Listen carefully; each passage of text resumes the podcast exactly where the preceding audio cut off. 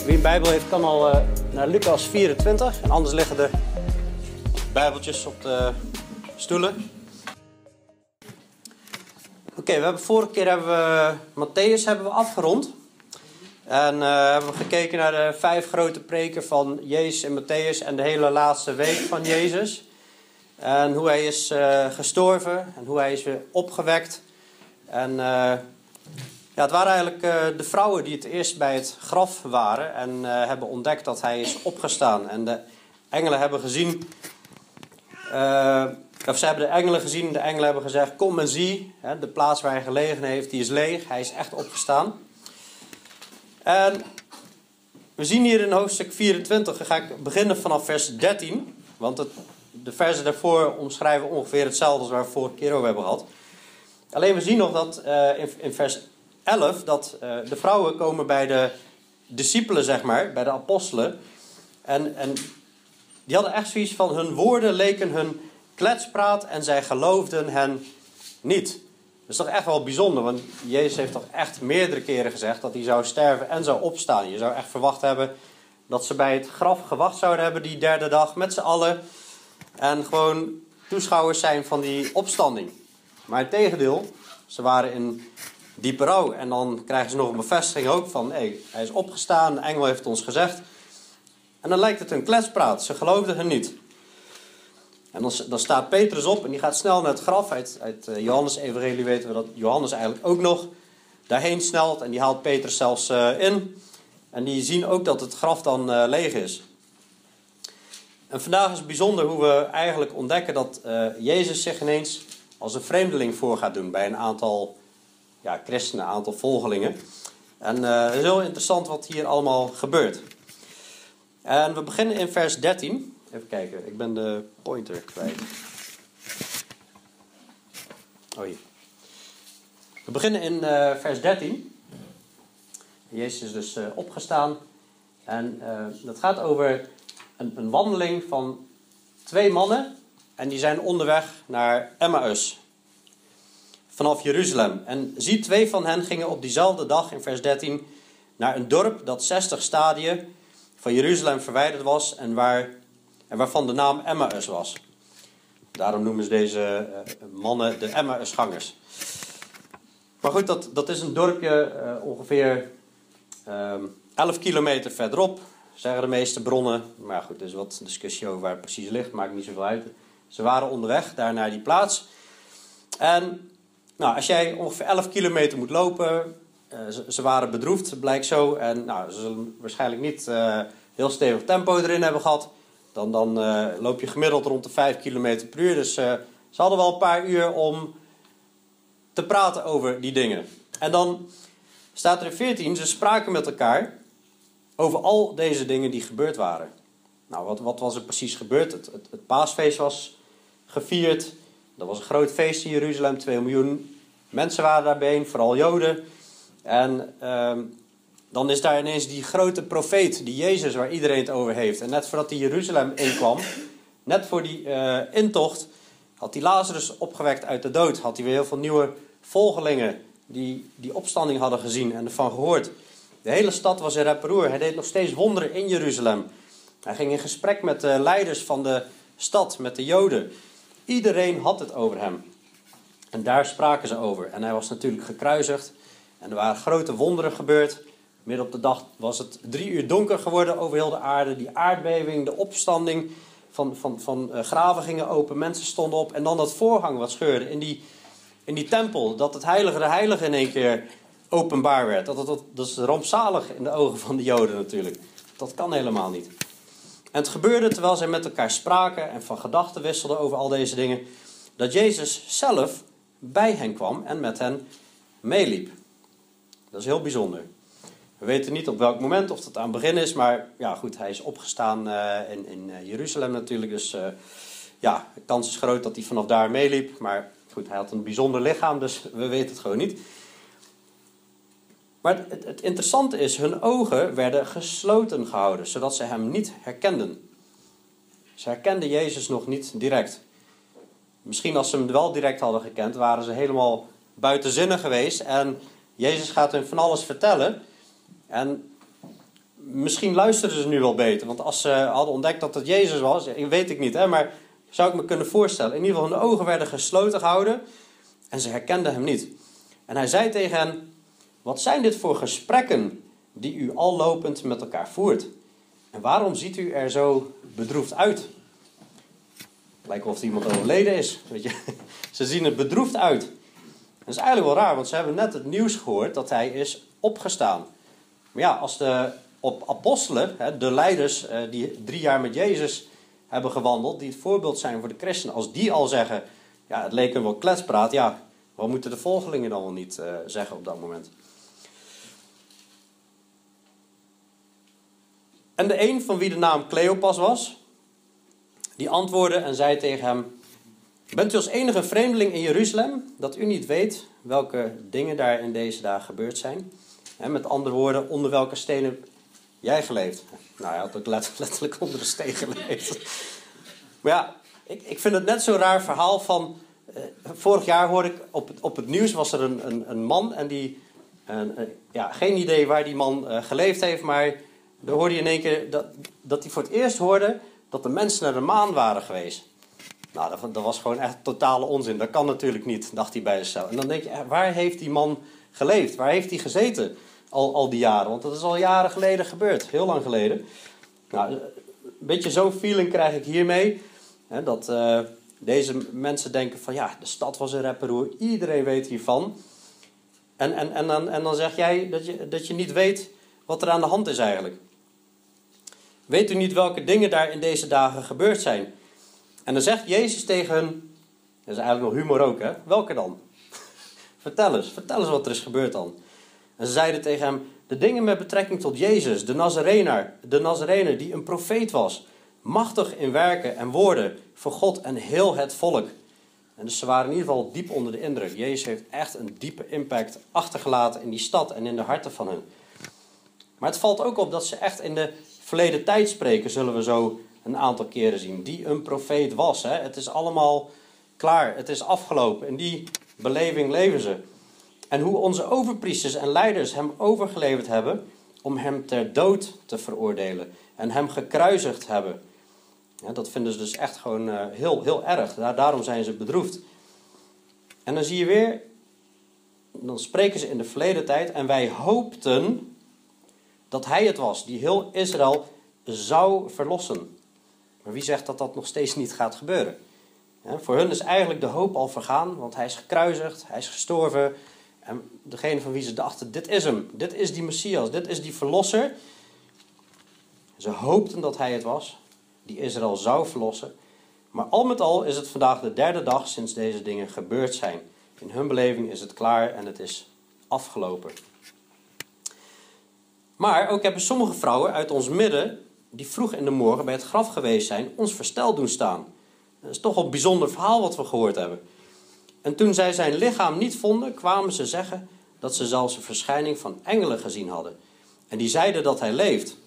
Dus dat, dat heeft hem wel in verwarring gebracht. Hoe zit, het, hoe zit het nou? En sommige van hen die bij ons waren, gingen naar het graf en troffen het ook zo aan als de vrouwen gezegd hadden. Maar hem zagen ze niet. Dus ja, is die nou opgestaan of niet? Wat, wat is er gebeurd?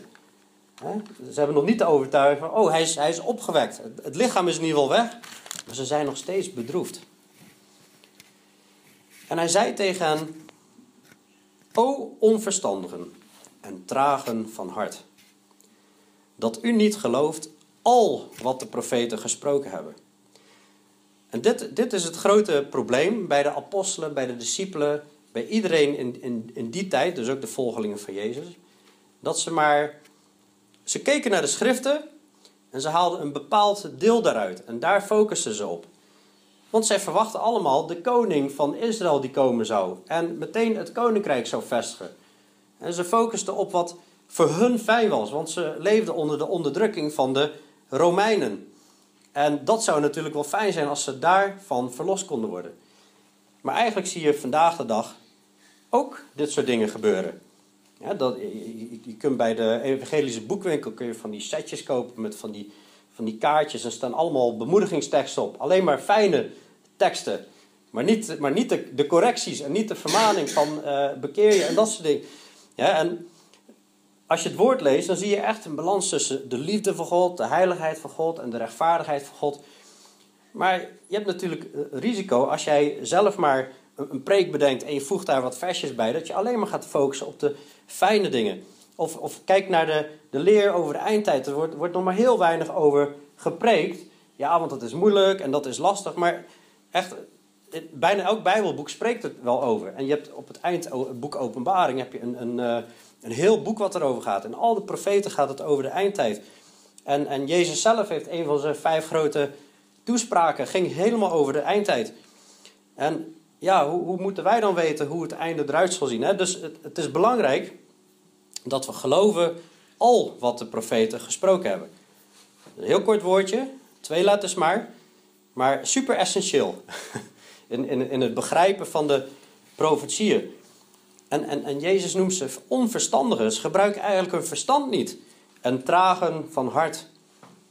En er is in Engels zo'n uitspraak, ik weet niet hoe je het moet vertalen, maar slow to know is slow to grow, zeg maar. Als jij, als jij weinig weet van God, als jij weinig weet over wat God eigenlijk van ons wil, als je weinig weet over wat Gods plan is in al, al de tijden, zeg maar, dan, ja, het geloof komt uit het gehoor en het gehoor door het woord. Dus als wij het woord tot ons nemen, gaat ons geloof ook groeien. Maar deze mannen, die geloven niet al wat de profeten gesproken hebben. Ze geloven wel dat deel van, oh, dat koninkrijk komt. Maar ze missen een essentieel stuk. Door alle profeten heen zie je het lijden van de Messias. Door de hele wet van Mozes zie je al het offersysteem, wat al wees naar Jezus. Moest de Christus dit niet lijden en zo in zijn heerlijkheid ingaan? Voor Jezus was het overduidelijk. En toen begon hij bij Mozes, hij begon bij Mozes en al de profeten en legde hun uit wat in al de schriften over hem geschreven was. Nou, dit is echt een vers waar voorgangers, leraren, predikanten echt zoiets van hebben van waarom staat deze preek niet in de Bijbel? Iedereen had deze preek in de Bijbel willen hebben, maar staat er helaas niet in. Tegelijkertijd kunnen wij hem natuurlijk wel reproduceren, waar Jezus het waarschijnlijk ongeveer over gehad zou hebben. We hebben in, terwijl we door Matthäus gingen, hebben we gezien dat Matthäus helemaal vol staat. Matthäus eigenlijk specifiek aan de Joden gericht. Om ook, ook te laten zien: kijk, dit is wat de schrift zei. Dit is gebeurd zodat de profetie vervuld zou worden. En, en er staat heel de tijd profetieën genoemd en dit is vervuld. Hè, en uh, worden die profetieën worden bevestigd. Maar eigenlijk een hele leer van de apostelen en de verdere eh, boeken in het Nieuwe Testament zien we heel veel terugverwijzingen naar het Oude Testament. Nou, eh, hij begon bij Mozes, dat zijn de eerste vijf boeken van de Bijbel. En bij de profeten, dat is eigenlijk vanaf uh, de richteren die ze hebben gehad in Israël en de koningen, dat was de tijd van de profeten. En dan hebben we al de profetenboeken zelf in het Oude Testament. En dan heb je nog al de schriften, hè? dat zijn met name de, de, de psalmen. En dat zie je ook in vers 44, daar komen we straks. Uh, en dat hij zegt dat alles vervuld moest worden wat over mij geschreven staat in de wet van Mozes, in de profeten en in de psalmen. Nou, ik wil er wat van uh, laten zien. Om even een beeld te hebben van waar Jezus het mogelijk over gehad zou kunnen hebben. De allereerste heenwijzing naar het evangelie, ze noemen dit ook wel het embryonale evangelie, hè, daar echt uh, heel semier staat het daar omschreven, is dat de slang die Adam en Eva misleid heeft, zeg maar, daar zal iemand komen en die zal zijn kop vermorzelen. En in dat proces dat die kop vermorzeld zal worden, zal ook de hiel, die zal beschadigd worden, die zal geraakt worden. En we zien natuurlijk aan het kruis, heeft Jezus heeft overwonnen, heeft eigenlijk de Satan overwonnen. Afgelopen eh, woensdag bij eh, de Bijbelstudie hebben we nog gezien in Colossense dat hij eigenlijk uh, de, overwinning heeft behaald. Hij heeft de tegenstander ontwapend. En hij heeft ze openlijk te schande gemaakt. En over hem heeft hij getriomfeerd, over de overheden en de machten. Staat in Genesis 3, vers 15, derde, derde boek van de Bijbel al. We zien natuurlijk het Pascha, waar we hebben het pas geleden ook over gehad, toen Jezus het avondmaal instelde.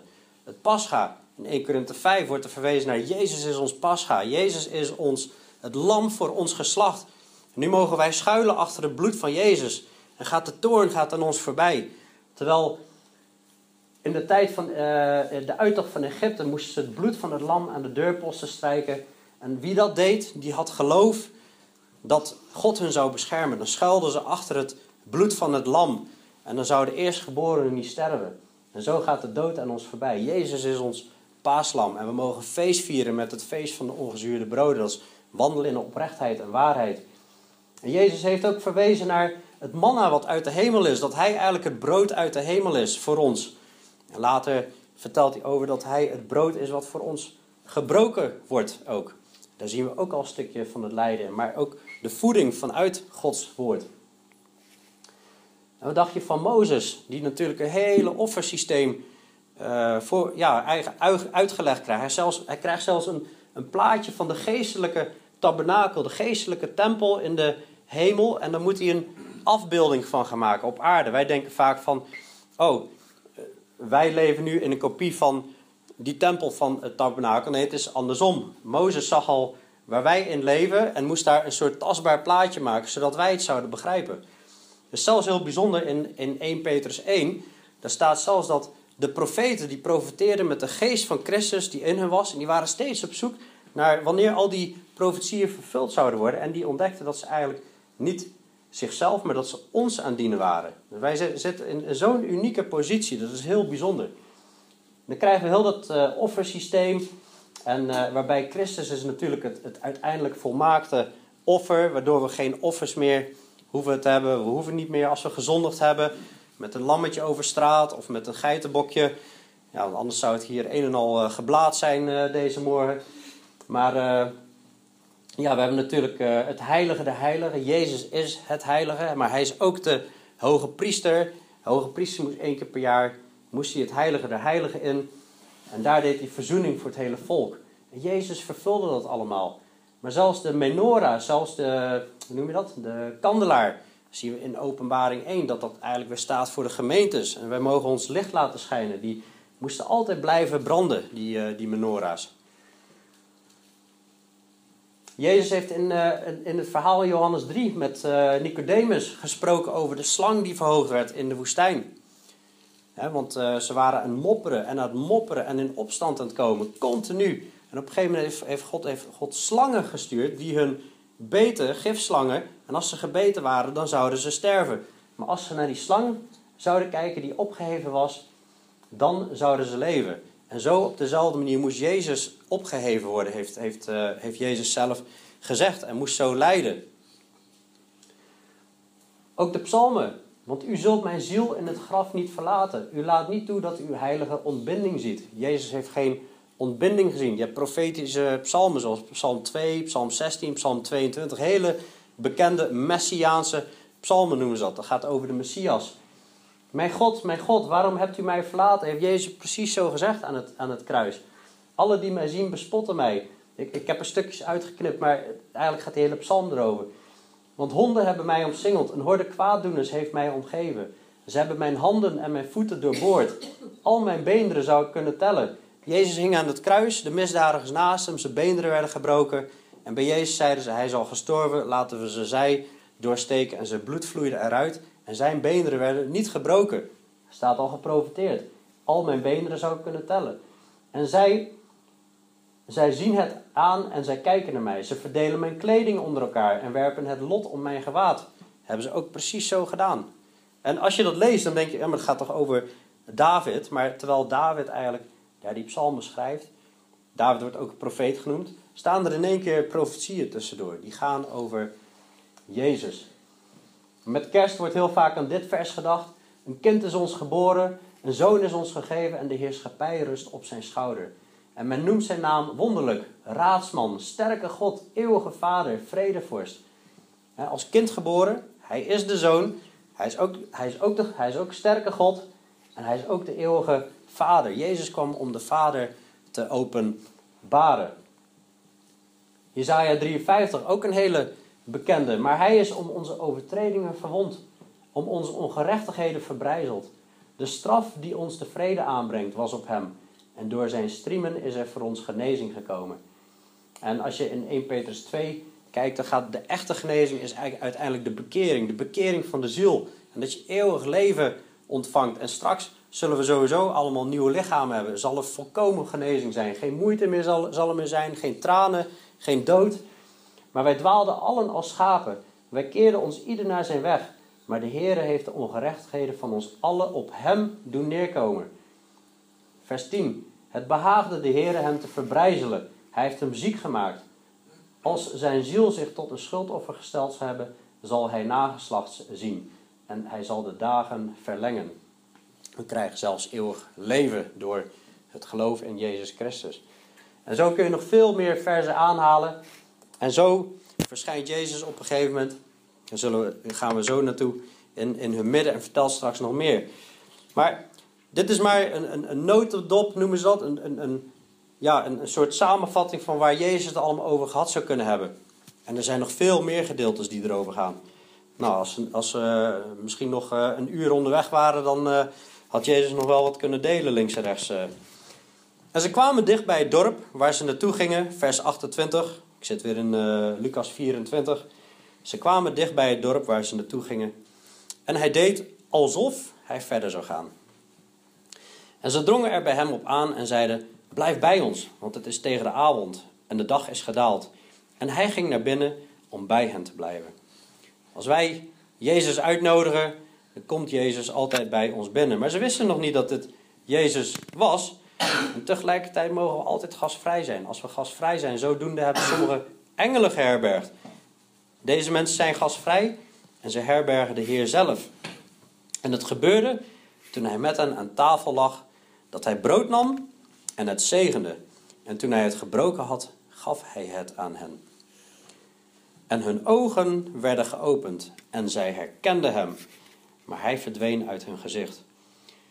Nou, er is wat discussie over of, uh, als je hier leest, toen hij het brood gebroken had, dan denk je natuurlijk allemaal meteen aan het avondmaal, hè, het breken van het brood en het drinken van de beker. Sommigen zeggen ja, maar uh, Jezus had dat avondmaal net voor zijn dood ingesteld. Uh, hoe weten deze nou allemaal dat, dat we dit al moeten doen? Maar ja, ik denk er zitten toch een paar dagen tussen. Ik, ik vermoed zelf dat het wel over het avondmaal gaat, wat Jezus heeft ingesteld. Het avondmaal wat wij ook vieren. Uh, met name ook omdat hun ogen dan uh, ineens geopend worden. En zij herkenden hem. Dus vanaf dat moment zien ze hem. En, en nadat Jezus ook de schrift had geopend en gedeeld, het, het, het brood gebroken had, werden hun ogen geopend. Hij verdween uit hun gezicht, maar dat wil niet zeggen dat hij niet meer bij hun was.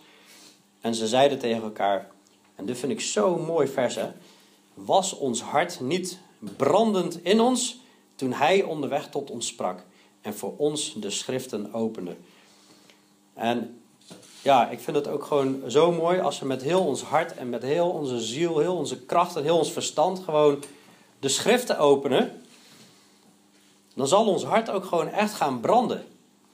want jaren geleden, dan heb ik het over de eerste jaren van ons huwelijk. Ja, ik was christen, maar ik was nog niet zo gepassioneerd en, en, en vol zoals ik, zoals ik nu ben. En ik, en ik zoek nog elke dag naar dat, die vervulling, zeg maar. Je wil elke dag helemaal vol zijn. Wie wil dat nou niet, helemaal vol zijn van de Heer? Maar wat Jezus doet, het eerste wat hij doet, is de schriften openen. Als hij bij hen komt. Hij opent de schriften en daardoor ging hun hart branden. Was ons hart niet brandend in ons toen hij onderweg tot ons sprak en voor ons de schriften opende en, en duidelijk uitleg gaf. Als wij de schriften gaan begrijpen, en we hebben wel een paar pagina's, we kunnen nog een paar jaar vooruit, dan uh, wordt ons hart brandend. En op datzelfde moment stonden zij op en keerden terug naar Jeruzalem. Net aangekomen, kunnen ze meteen weer terug. En vonden de elf discipelen en hen die bij hen waren bijeen. En die zeiden: De Heer is werkelijk opgewekt en is aan Simon verschenen. Simon had ook al, dat is Simon Petrus. Die heeft ook al een verschijning gehad. Jongens, het begint nu echt duidelijk te worden. Jezus is overal op allemaal plekken aan het verschijnen aan de discipelen. En ze vertelden wat er onderweg gebeurd was. En hoe hij door hen herkend was bij het breken van het brood. Dan zien we weer de nadruk op het breken van het brood. En toen zij over deze dingen spraken, stond Jezus zelf in het midden. En zei tegen hen, vrede zij u. Dat is zo mooi hè. Het eerste wat Jezus zegt is, vrede zij u. De engelen zeiden het al. Vrede op aarde. Maar dat is wel voor degenen die hem aannemen. Vrede zij u. We lezen ook in de Romeinenbrief dat als wij in hem geloven, worden we gerechtvaardigd, worden we eigenlijk schoongewassen. Weer, wordt het weer in orde gemaakt met God. En in Romeinen 5 vers 1 zegt hè, dat uh, wij nu gerechtvaardigd zijn door het geloof, hebben vrede bij God. En daarom, omdat hun geloofd hebben, vrede zij u. En zij werden angstig en zeer bevreesd en dachten dat ze een geest zagen. Dit hadden ze nog niet meegemaakt. Wat hier ook nog heel bijzonder is, dat lezen we in Johannes 20, dat ze zitten in een ruimte en er staat de deuren waren gesloten. En dan verschijnt Jezus keer. Ja, dat is wel een beetje spannend natuurlijk. Eh. Stel, we hebben hier de deuren gesloten en in één keer zien we, woem, een verschijning. Ja, oké, we zouden kunnen zeggen, ja, dat is Jezus, maar ik weet niet hoe ik zelf zou reageren, snap je? Ik, ik zou dit ook wel spannend hebben gevonden. En ze werden angstig en zeer bevreesd. Ook, ook al zegt diegene, vrede zij u. Maar ze dachten dat ze een geest zagen. En hij zei tegen hen, waarom bent u in verwarring? Waarom, waarom komen zulke overwegingen op in uw hart? Snappen jullie het nou nog niet? Jezus is opgewekt. Ik ben toch al verschenen aan verschillende. Ik heb het toch gezegd?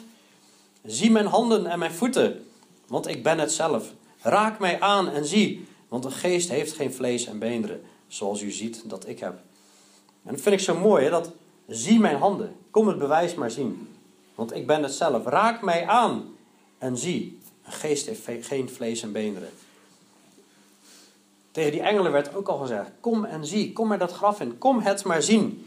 Nu wordt er gezegd: Zie mijn handen en mijn voeten. Ze zijn echt er waren blijkbaar nog littekens of, of tekenen. Ik ben het zelf. Raak mij aan en zie. Raak mij aan. In, in Handelingen 1 staat dat, dat Jezus vanaf zijn opstanding nog 40 dagen bij de discipelen is geweest. En met veel onmiskenbare bewijzen, dus echt overduidelijke bewijzen, zich aan hun vertoond heeft. Dit is er één van. Jezus wil echt gewoon keihard bewijs aan ons laten zien. Jezus wil ons echt bewijs laten zien. Ja, en al deze getuigen die het hebben gezien, die waren erbij. Paulus in 1 Korinthe 15 vertelt op een gegeven moment over... Jezus is hier verschenen aan die en die. Hij is daar verschenen aan die en die. Hij is daar en daar verschenen. En op een bepaald moment is hij meer dan 500 mensen verschenen. Vele van hun zijn nog in leven. Dus iedereen kon het gewoon na gaan vragen nog. Bij die getuigen. Vervolgens hebben vier getuigen hebben het opgeschreven. Matthäus, Marcus, Lucas, Johannes. Vervolgens hebben we nog vier getuigen die het bevestigen in het Nieuwe Testament.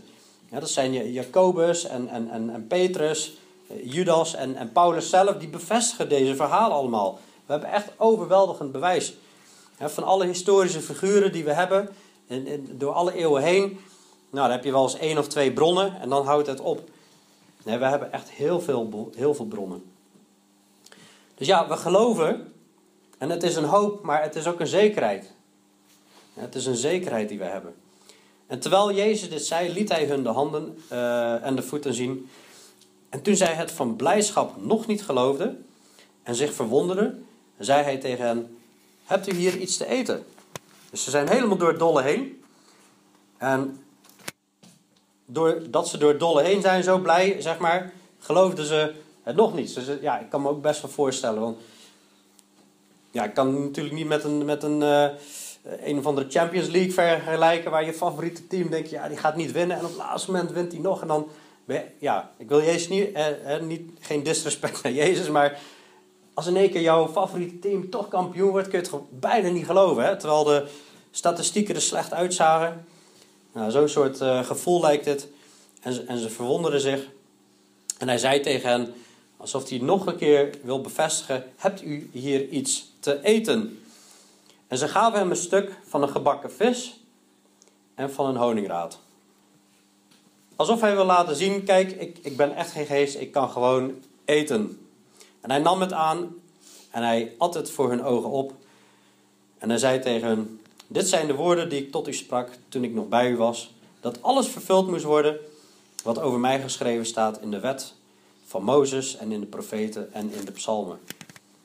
Alweer bevestigt hij laat hij zien dat door het woord dit allemaal al voorzegd was. Toen opende hij hun verstand. We hebben al gezien, hij opende, hun ogen werden geopend. Dat, en nu opent hij hun verstand, zodat, zodat ze de schriften begrepen. Dus we mogen ook echt vragen aan de Heer als we Gods woord lezen.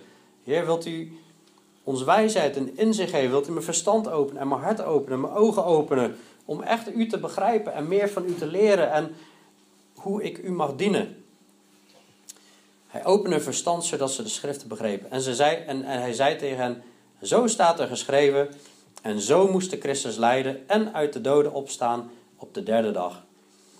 En dan geeft hij hun, we hebben vorige keer Matthäus de grote opdracht gezien. Dat uh, ga heen, onderwijs al de volken, doop ze in de naam van de Vader, Zoon en de Heilige Geest en leer ze onderhouden alles wat ik u geboden heb. Het is onderwijzen, maar ook leren onderhouden. Dus het is niet alleen hoofdkennis, het is ook toepassen in je leven.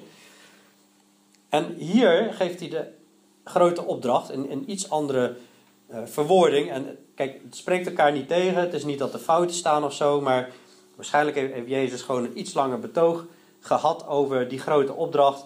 En heeft Lucas dit onderdeel ervan opgeschreven en, en Matthäus zijn onderdeel. En in zijn naam, zegt Jezus, in zijn naam moet onder alle volken bekering en vergeving van zonde gepredikt worden. Te beginnen bij Jeruzalem. Dus als wij het evangelie brengen, moeten we altijd spreken over de bekering. Dat mensen zich moeten bekeren. Weg van de duisternis en keren tot het licht. De weg van de werken van de duisternis en keren tot Jezus. En dan ga je de werken van het licht doen. Door het geloof altijd. En vergeving van zonde moet ook gepredikt worden. De, vandaag de dag zien we wel eens mensen die gaan erop uit en die gaan uh, bidden voor genezing van mensen. En dan vertellen ze het evangelie niet meer. Die vertellen niet dat je moet bekeren, vertellen niet wat Jezus heeft gedaan, die vertellen niet over het komende oordeel en vergeving van zonde. En dat is geen eerlijk evangelie, want Jezus heeft op verschillende plekken al uitgelegd en in de, in de brieven van de apostelen staat duidelijk uitgelegd dat deze elementen horen bij het evangelie. En ik ben helemaal niet tegen uh, genezing. Ik vind het prachtig. Ik bid ook voor mensen uh, bij het evangeliseren. En als iemand daarbij geneest of een aanraking krijgt, vind ik prachtig. Maar we moeten wel die boodschap vertellen. We moeten wel het evangelie vertellen. Want hoe zullen ze horen zonder iemand die predikt?